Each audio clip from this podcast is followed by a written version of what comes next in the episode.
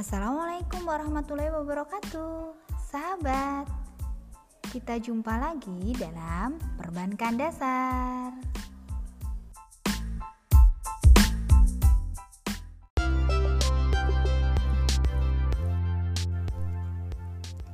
Sahabat, pada episode kali ini kita akan membahas bentuk badan hukum bank dan sumber dana bank.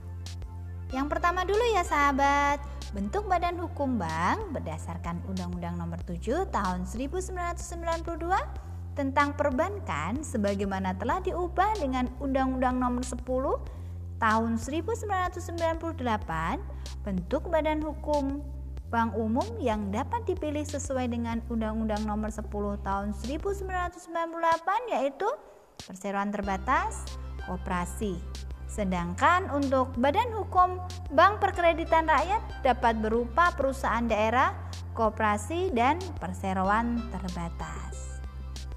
Bentuk badan hukum bank diatur berdasarkan pasal 21 yaitu yang pertama, bentuk hukum suatu bank umum dapat berupa salah satu dari perseroan terbatas atau persero, perusahaan daerah, koperasi, dan perseroan terbatas.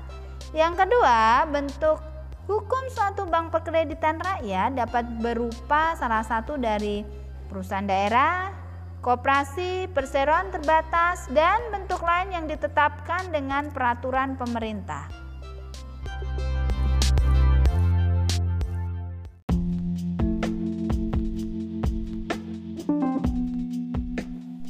Hmm, kalau sumber dana bank kira-kira apa aja ya?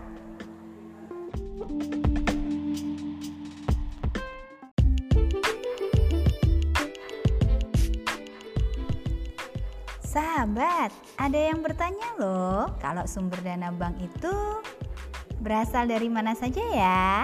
Oke, simak ya sahabat. Yang pertama, dana bank berasal dari pihak pertama, terus dari pihak kedua dan pihak yang ketiga.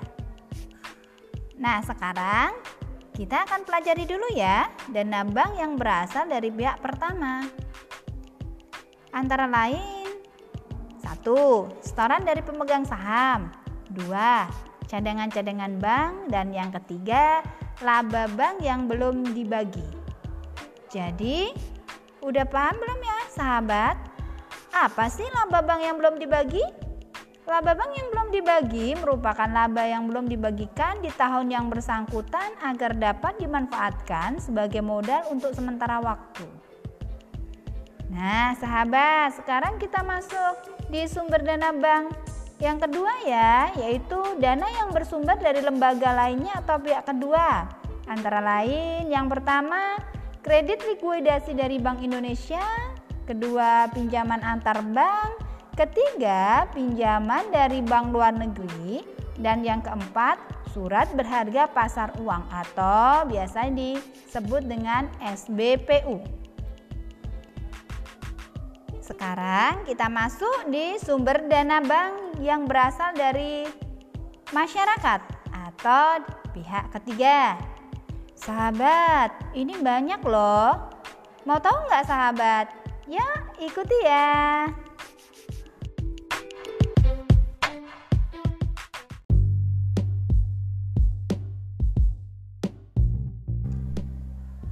Sumber dana bank yang berasal dari masyarakat atau pihak ketiga yang pertama adalah simpanan giro atau biasa disebut dengan demand deposit.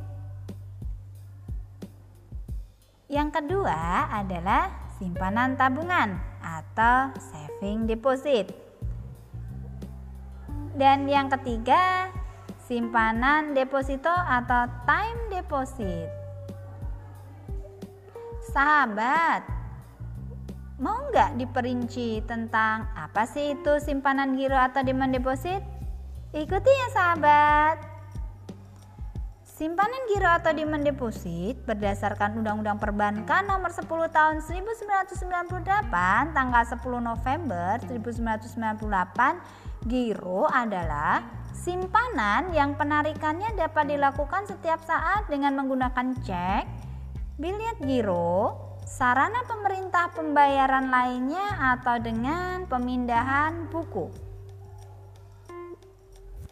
Nah, dana yang sudah disimpan di rekening giro dapat ditarik berkali-kali dalam sehari dengan catatan dana yang tersedia tercukupi dan memenuhi persyaratan lain yang ditetapkan oleh bank yang bersangkutan. Penarikan menyebabkan dana giro berkurang. Jelas sekali ya sahabat, kalau tabungan kita diambil terus, dananya pasti berkurang. Nah sahabat, penarikan secara tunai menggunakan cek, sedangkan penarikan non tunai menggunakan biliet giro. Sahabat tahu nggak bahwa cek itu terdiri dari beberapa macam? Mau tahu nggak? Ikut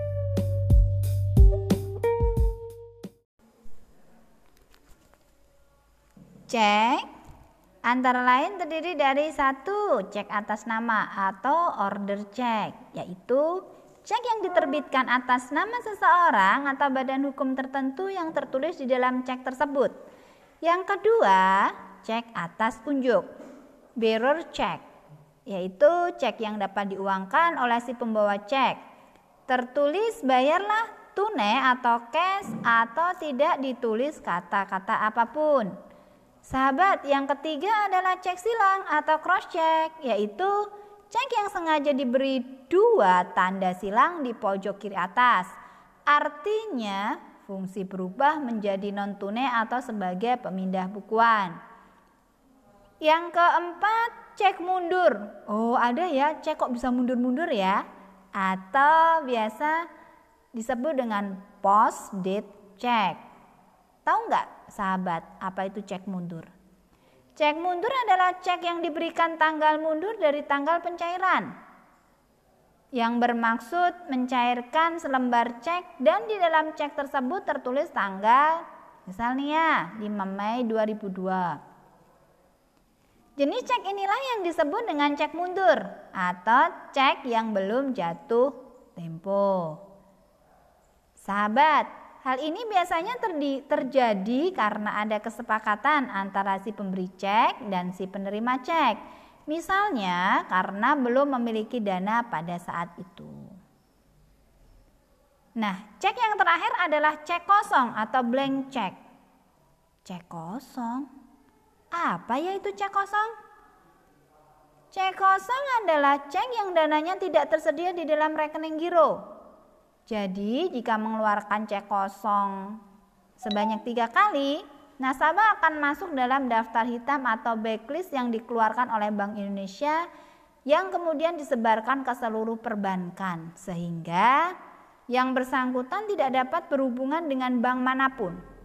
Sebelum masuk dalam daftar hitam, nasabah diberi peringatan baik lisan maupun tertulis untuk menghindarkan nasabah dari backlist. Bank biasanya dapat menutup kekurangan dengan pertimbangan nasabah primer yang loyal dengan memberikan fasilitas overdraft.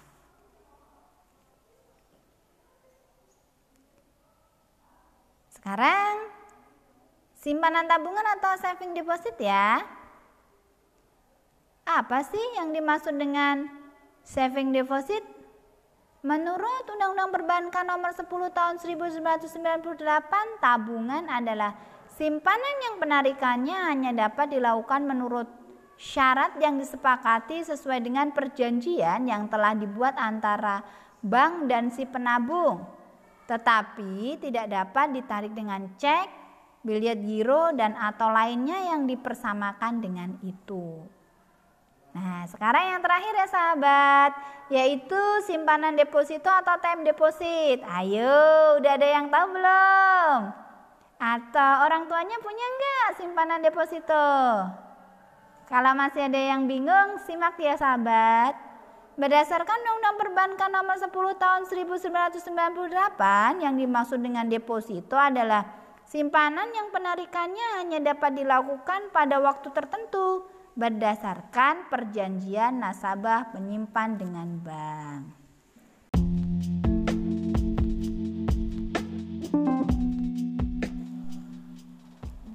Nah, sahabat, kira-kira udah ada pencerahan belum ya?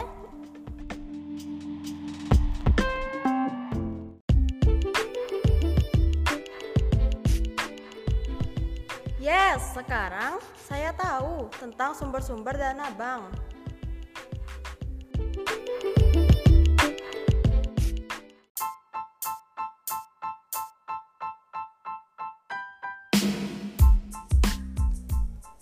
Alhamdulillah kalau sahabat semua sudah paham tentang macam-macam sumber dana bank.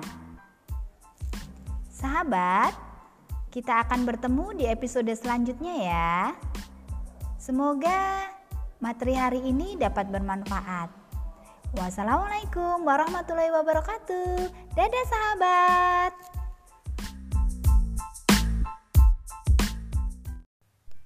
Secara tidak sadar, saat pergi ke sekolah, kita sering melewati bank, pegadaian, dan bank perkreditan rakyat.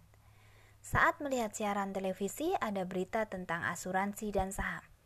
Sadarkah kita bahwa secara tidak langsung sudah mengenal lembaga keuangan yang telah berperan dalam kehidupan kita? Apalagi di saat sedang terjadi pandemi COVID-19. Membayar uang kuliah, SPP sekolah, zakat, tagihan listrik, tagihan internet, membeli pulsa, belanja online dilakukan dengan cara transfer uang di bank. Nah, lembaga keuangan ternyata berperan dalam kehidupan kita. Yuk, simak video berikut ini. Salam rumah belajar. Belajar di mana saja, kapan saja, dengan siapa saja.